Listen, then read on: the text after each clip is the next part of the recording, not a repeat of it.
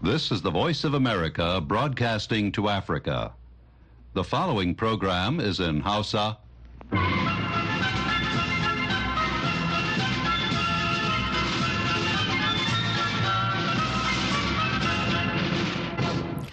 Sashen Hausa na muryar Amurka ke magana daga nan birnin Washington DC.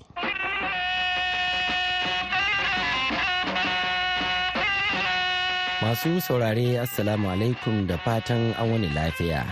Murtala Faruk sanyin na ne tare da Zara Aminu Fage da sauran abokan aiki muke farin cikin kasancewa da ku a cikin wannan shirin na ranar yau Alhamis 15 ga watan Fabrairun shekara ta 2024. Kafin ku ji abubuwan da muke tafa da su ga Zara da kanun labarai. Kafofin yada labarai a ƙasar Lebanon sun rawaito cewa adadin fararen hular da suka mutu sakamakon hare-hare biyu da Isra'ila ta kai a ƙasar ya ƙaru zuwa goma.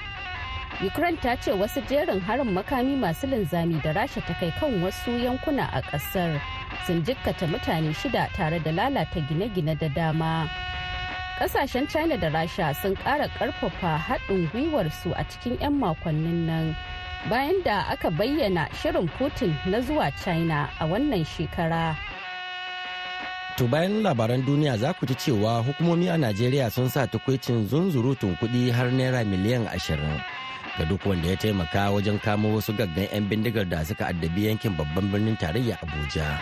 mataki ne mai kyau saboda shi rashin tsaro ba a cewa ga hanya ɗaya tilo wanda za a iya samu a daƙi da shi. A Ghana kuma gwamnatin ƙasar ta sauya ministan kuɗi a wani sashe na sake fasalin gwamnati da shugaban ƙasar a ƙofa ado yake yi. Kasan international credit da suke ba mu Najeriya suna ganin kamar economy mu tattalin arziki mu bai daidai ba domin shi ne duban aji tattalin arzikin da kanshi financial minister bai manage economy da kyau ba. Haka kuma za mu kawo muku shirin lafiya uwar jiki to amma sai a gyara zama domin jin kashin farko na labaran duniya.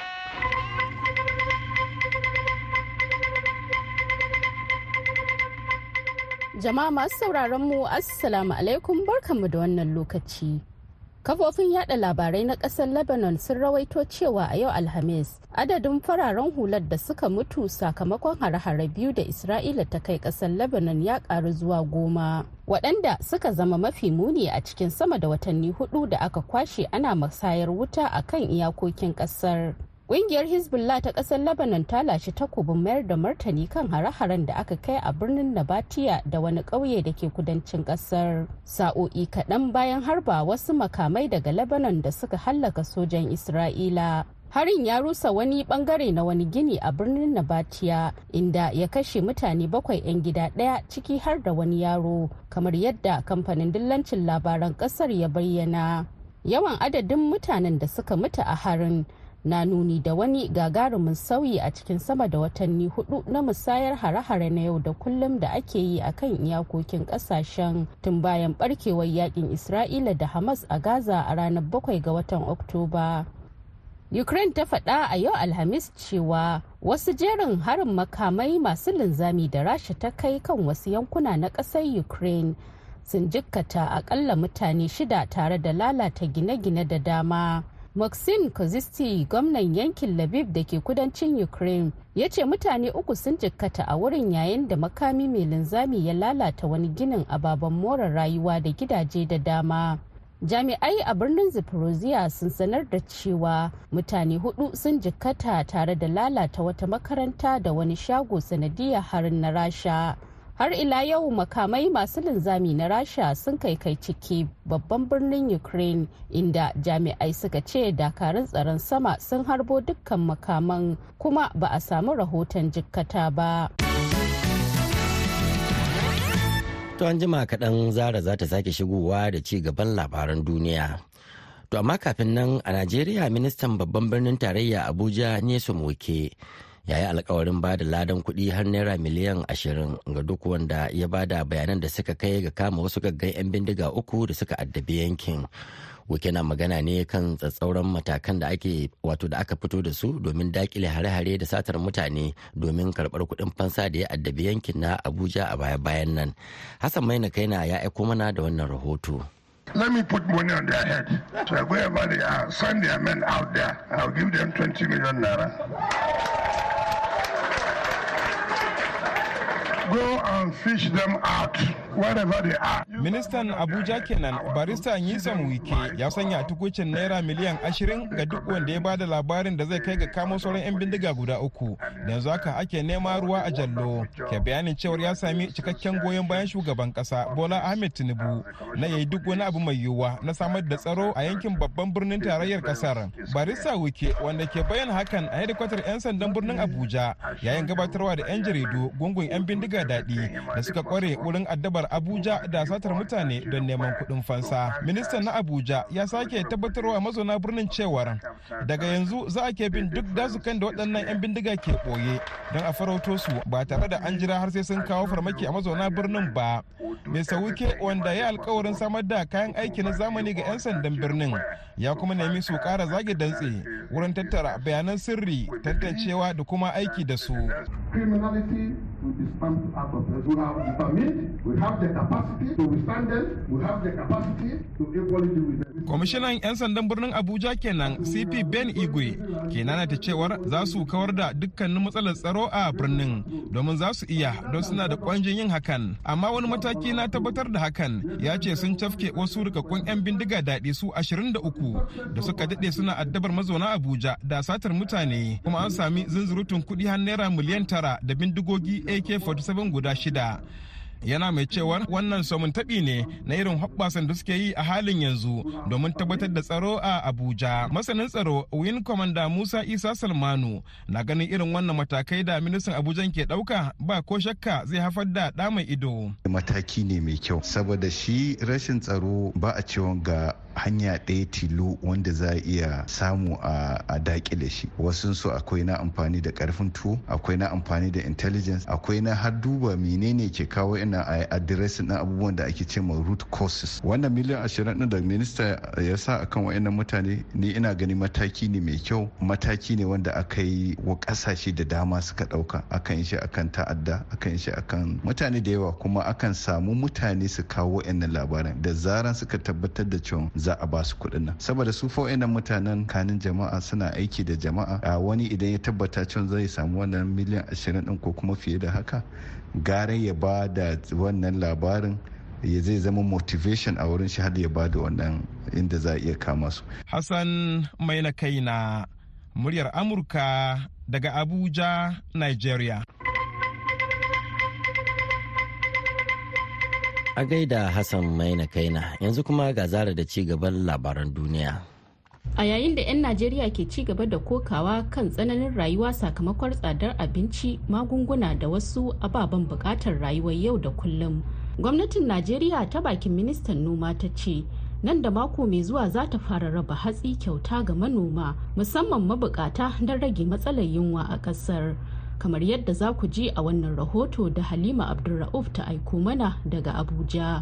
Gwamnatin Najeriya ta bakin ministan noma da samar da abinci sanata Abubakar Kyari ce ta bayyana hakan a wani taron manema labarai da ya gudana a birnin tarayyar ƙasar Abuja inda ta fayyace cewa za ta fara raba wa 'yan ƙasar hatsi tan dubu arba'in da biyu kyauta kamar yadda shugaba Bola Ahmed Tinubu ya yarda da shirin. Akwai kuɗaɗen da shi shugaban ƙasa President Bola Ahmed Tinubu ya ba mu ya ce ko me za ku yi ku tabbatar cewa an yi wannan noman kuma an ƙara ma manomi ƙarfi yanzu cikin nan da sati mai zuwa zuwa daga litinin za mu fara wasu jihohi saboda a fara samu kayayyakin su din. Ko yaya gwamnatin ƙasar za ta tantance mabukata da ya kamata su ci gajiyar wannan tallafi ganin yadda a baya an sha ganin yadda wasu marasa kishin al'umma ke karkatar da ababen da ya kamata talakawa su ci moriya. Sanata Abubakar Kyari ya ce. Abin da muka faɗa a kowane local government din in aka je a samu association din manoma din kuma muna da dai list inda muka sassaka har da 'yan tsaro da su ƙungiyoyin da kuma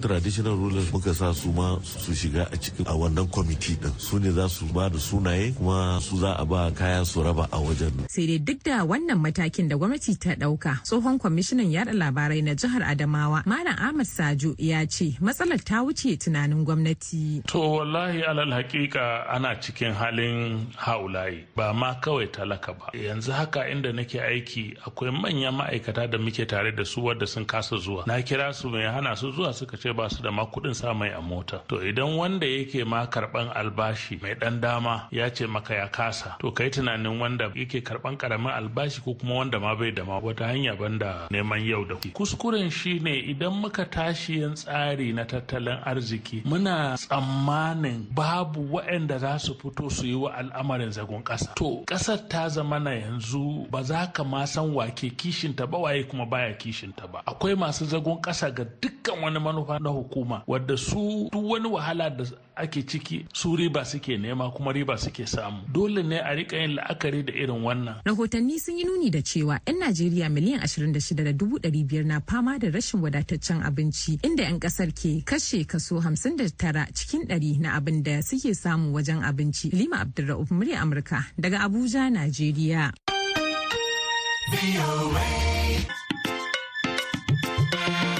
Labaran duniya kenan aka saurara daga nan sashen hausa na muryar amurka a birnin washington dc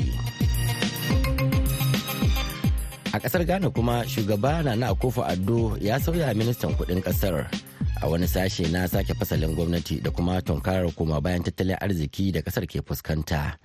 Daga kumasi ga rahoton hamza adams. Ma'aikatar sadarwa a fadar shugaban kasa ita ce ta fitar da sanarwar sauya ministan tattalin arzikin ƙasar kamar yadda honorable ali suraj jami'i ne a fadar shugaban kasa ya mini karin bayani. A wayansu cikin npc mu sun kawo korafin cewa da su ne a samu dama a sauke minista na finance. Shugaban kasa ya nuna cewa kowa ya samu haƙuri akwai ababa dai wanda ake gudanarwa an hanyi shine shugaban kasa shi ke da iko. Kuma dole jama'a suka yi magana dole ya ji. Kuma jin inda jama'a suka faɗi ya sa ya duba sai sa shugaban kasa lokaci ya kai ne yana gani ya kamata ya sake ma'aikatan saboda ya sake energize kasanmu na Ghana. Ghana na ci gaba da fama da matsalar tabarbarewar tattalin arzikinta abin da ya sanadin tunkarar asusun ba da lamunin kasa da kasa ta IMF domin neman ceto. Ko shin wannan sauye-sauye musamman na ministan kuɗin ƙasar zai iya shawo kan wannan matsala da ƙasar ke fama da shi yayin da ya rage ƙasa da watanni goma a gudanar da zaɓen shugaban ƙasa wannan ne tambaya da na yi Shuaib abubakar mai sharhi ne akan tattalin arzikin ƙasar inda yake cewa in ka duba kuma kasafin kuɗi na wannan shekara finance minister guda gudan gano kenu furiata planin shi ne ko kuwa abin da shi ya gaya ma shugabar kasa shi aka zo aka ajiye muna. In terms of hanyoyin da da biya samu kuɗi da inda da shigar da kuɗaɗen wannan an yi an gama kuma an ji da shi gidan majalisa gidan majalisa an amince wannan abin ke aiki. Don shi in terms of major change da ni na ganin kamar bai kawo wani babban sakiya. Shi kuwa Sharif Abdulsalam mai sharhi kan harkar siyasa ne a ƙasar Ghana.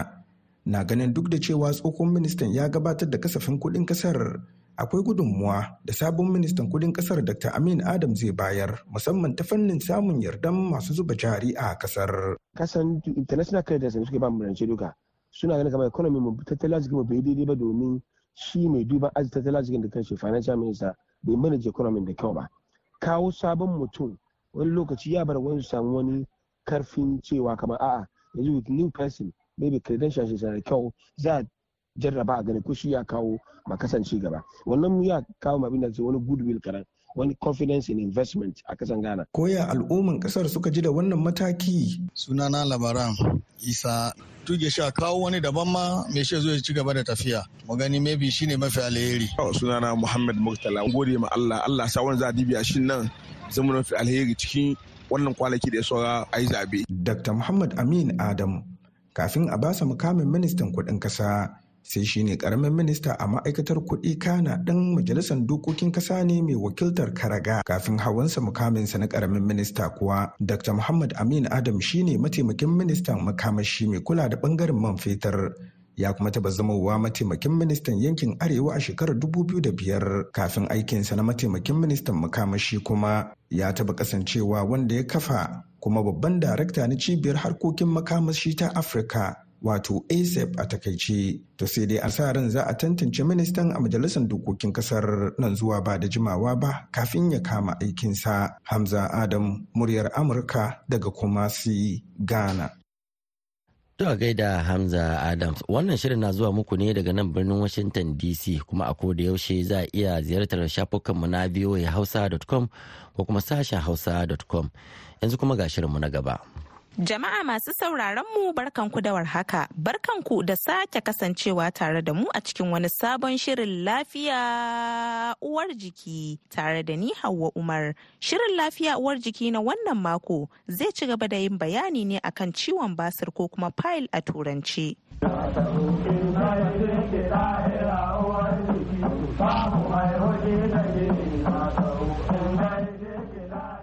Idan za a iya tunawa a satin da ya gabata likita ya yi bayani akan ciwon basir da alamominsa har ma da abubuwan da ke kawo cutar sai kuma lokacin da aka ɗibar wa shirin ya yi halinsa. To a wannan mako za mu ci gaba da tattaunawa ne da Dr. Muslim Bello Katagum kan alakar zaƙi da maiko da kuma cutar basir kamar yadda mutane ke alakanta shi da cutar. Likita gare ka. To babban alakan su dai shine ga waɗansu mutanen sukan yi complain akan in suka sha abu mai zaƙi musamman lemun kwalba. In na ce lemun kwalba kuma ina nufin wanda yake zuwa na kwalba wanda yake zuwa a cikin kan a ko kuma wanda yake zuwa a gora. Tun da yanzu yawanci lemun kwalban namu sun fi zuwa a gora ga wanda suke sha musamman su zo sha a wani lokaci irin kamar bayan da daddare a kafin su kwanta.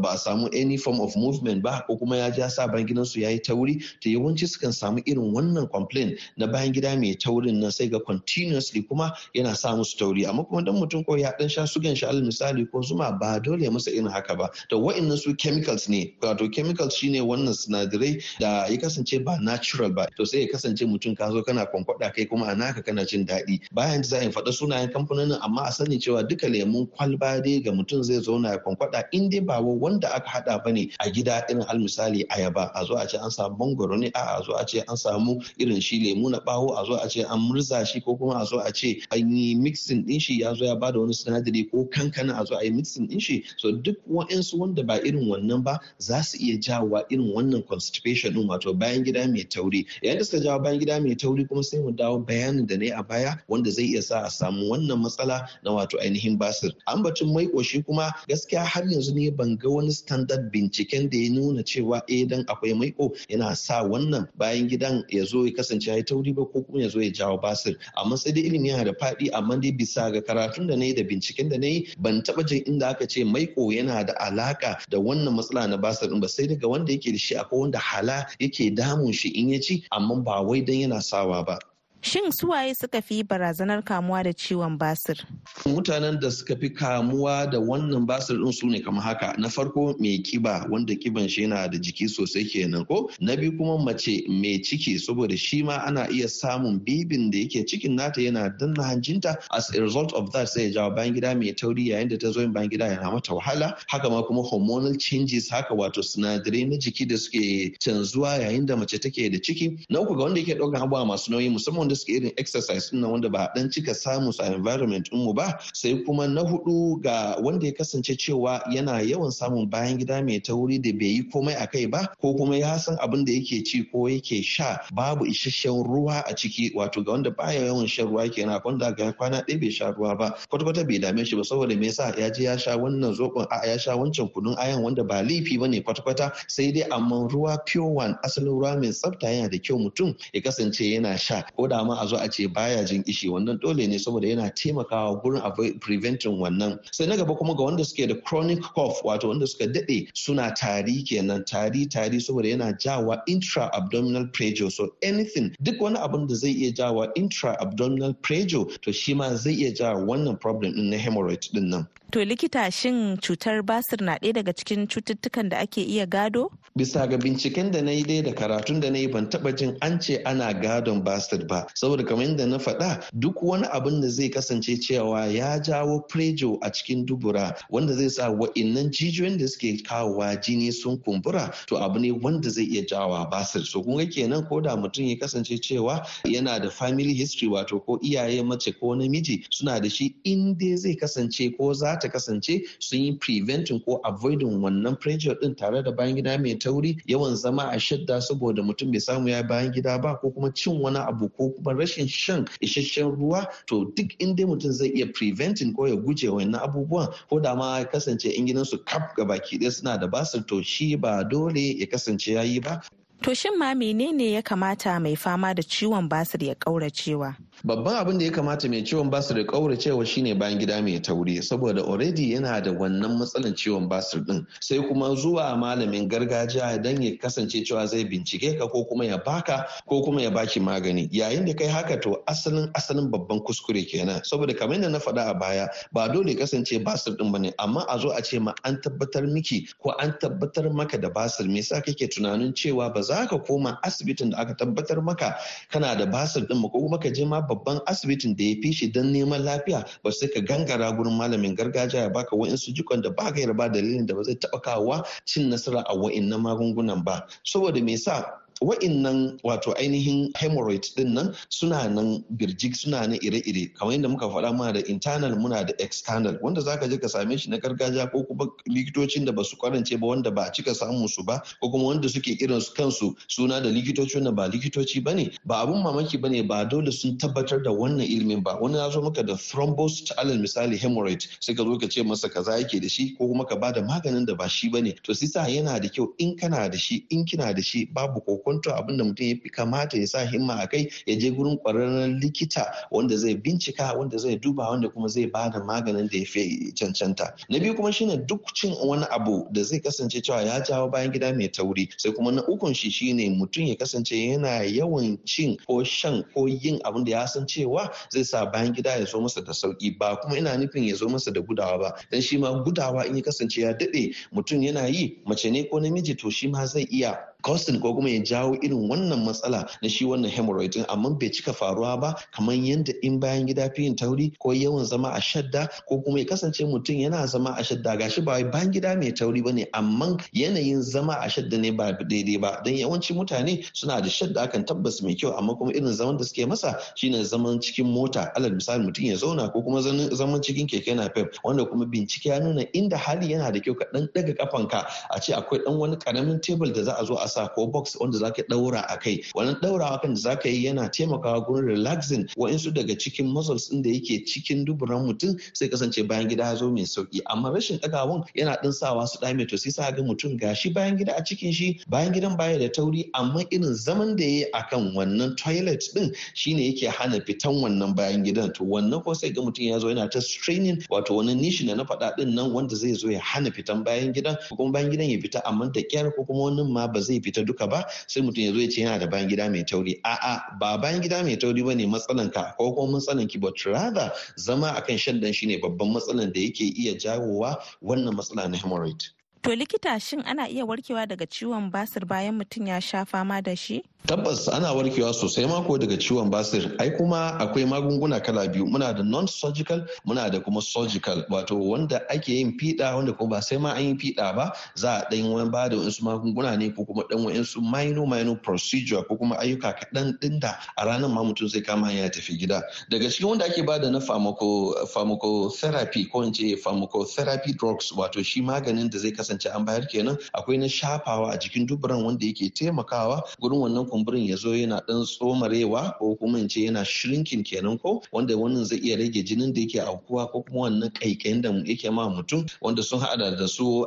astringent alal misali a wanda group of medications ne su su steroid da ake bayarwa a times haka wata har da su irin su family lidocaine da su lincocaine and etc wanda zai taimaka gurin wannan icin ko kuma zafin da yake ma mutum na mutum ya shafa. Amma ya kasance cewa an yi hakan bai yi ba to akan yi going further a yi wani abu rubber band ligation. Wanda za a zo ne a sa wani irin roba irin namu na asibiti kenan wanda a cikin duburan mutum za a zo a kama wannan jijiyan nan da ya kumburin da na faɗa ya je har ya wannan shi ba su ɗin nan sai a kulle shi. Yayin da aka kulle shi kuma an dakatar da zuwan jini ne zuwa wannan jijiyan. To ba an mamaki ba ne an yi sa'a ya zo ya faɗi ma da kanshi daga nan kuma insha Allah ta'ala basir ta tafi. In hakan bai faru ba akan injection sclerotherapy da phenol phenol oil. Wannan phenol oil ɗin nan shine ake sawa a cikin sirinji sai a zo a fesa a cikin duburan mutum inda wannan basir din take ba don komai ba don ta tsomar da wannan wato ta yi shrinking din shi kenan sai gargadan mutum ya huta. In bai ake ba akan yi irin su diathermy wani electrical procedure ne da za a zo a dan sa wuta. Ina ce wuta ba wuta na murhu ba but wuta namu irin na asibiti wanda za a zo ana dan sawa a wannan gurin wanda shi ma zai iya taimaka gurin shrinking. A irin su infrared coagulation wanda shi ma duk dai ake so a takaicen takaitawa a dakatar da zuwan jini ne zuwa gurin wannan jijiyan da yake kumbura. Saboda kar a manta kumburin nashin nan ba wai zallan nishin da na faɗa ba ne ba traga abin da yake contributing saboda ai jinin da yake zuwa gurin ne. To yayin da ka tsayar da jini zuwa kuma to yana ci yana ganin jinin da yake ciki zai zo ya kasance ya mutu to shi ma ƙarshen wannan jijin zai zo ya mutu. To yayin da ya mutu shi ma kuma insha Allahu ta'ala to basir din ci ma sai su mutu tare. Amma wani gudu ba hanzari ba yayin da aka yi haka kuma still mutum bai warke ba to dole a je surgical management din shi. Surgical management ɗin nan muna da irin su artery ligation wani abu shi hemorrhoidal artery ligation din da za a je daidai gurin wannan jijin da yake ba da jinin ne sai a kulle shi da wato ainihin suture wato igiyan namu da muke amfani da shi ko in ce zaren mu da muke amfani da shi na fiɗa kenan bayan da an feɗa mutum wanda ake yin amfani da shi a ɗinke. So na biyu kuma akwai irin shi hemorrhoidectomy da ake yi wanda zai kasance cewa an ɗauko shi kan shi wannan jijiyan ne an jawo an yanke shi baki ɗaya. To shi dai kawai problem ɗin da yake causing muna samun fecal incontinence wanda zai kasance bayan mutum bayan gidan mutum ya canza. Mukan samu wani abu shi stapled hemorrhoidectomy. Akan yi wani abu shi stapled hemorrhoidectomy wanda shi kuma wani ƙaramin za a ce na'ura ne da ake sawa don ya taimaka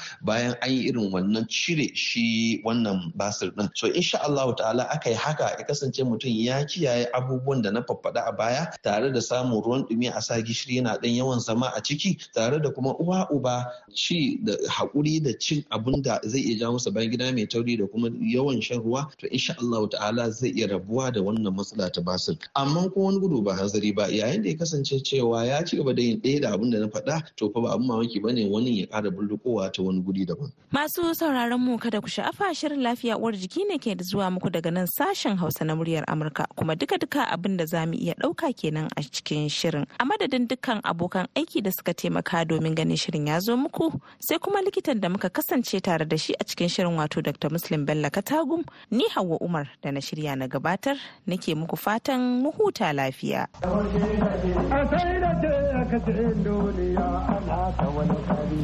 To a gaida Hauwa Umar da wannan kuma muka zo ga shirinmu na ƙarshe wato labarai a taƙaice.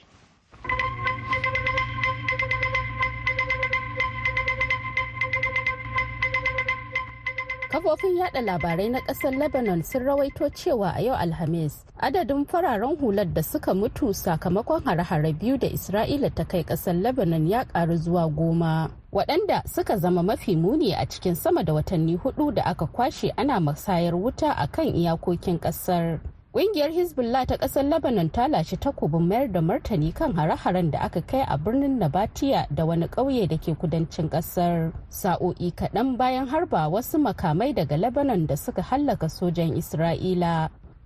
Ukraine ta faɗa a yau Alhamis cewa wasu jerin harin makamai masu linzami da Rasha ta kai kan wasu yankuna na ƙasar Ukraine sun jikkata akalla mutane shida tare da lalata gine-gine da dama. Har ila yau makamai masu linzami na rasha sun kai kai ciki babban birnin ukraine inda jami'ai suka ce dakarun tsaron sama sun harbo dukkan makaman kuma ba a samu rahoton jikkata ba. Ƙasashen china da rasha sun kara ƙarfafa haɗin gwiwarsu a cikin 'yan makonnin nan inda shugabannin ƙasashen biyu suka sha alwashin ci gaba da yin mu'amala ta kud kud inda jakadan china a rasha ya bayyana shirin shugaban rasha vladimir putin na kai ziyara china a wannan shekara. A yayin ganawarsa ta wayar tarho a ranar 8 ga watan fabrairun nan shugaban china xi jinping da putin sun nuna jin daɗin su kan zurfafa haɗin gwiwa tsakanin ƙasashen biyu a fannoni daban-daban kuma sun soki abin da suka kira katsalandan ɗin da amurka ke yi a harkokin sauran ƙasashen waje. To da haka kuma muka kawo ƙarshen wannan shirin namu na yau sai kuma a dakaci shirinmu na yau da gobe. sannan idan Allah ya kai mu da dare wato ƙarfe tara da rabi kenan agogon Najeriya da Nijar. ƙarfe 8 da rabi agogon gmt da ghana za a ji mu ɗauke da wani sabon shirin yanzu a madadin zara aminu fage da ta taya ni gabatar da shirin da kuma julie leathers gresham da ta kula da sauti kuma ta ba da umarni da ma injiniyan mu na yanzu pete hanley ni murtala faruk sanyin na ke muku fatan alkhairi ma'assalam.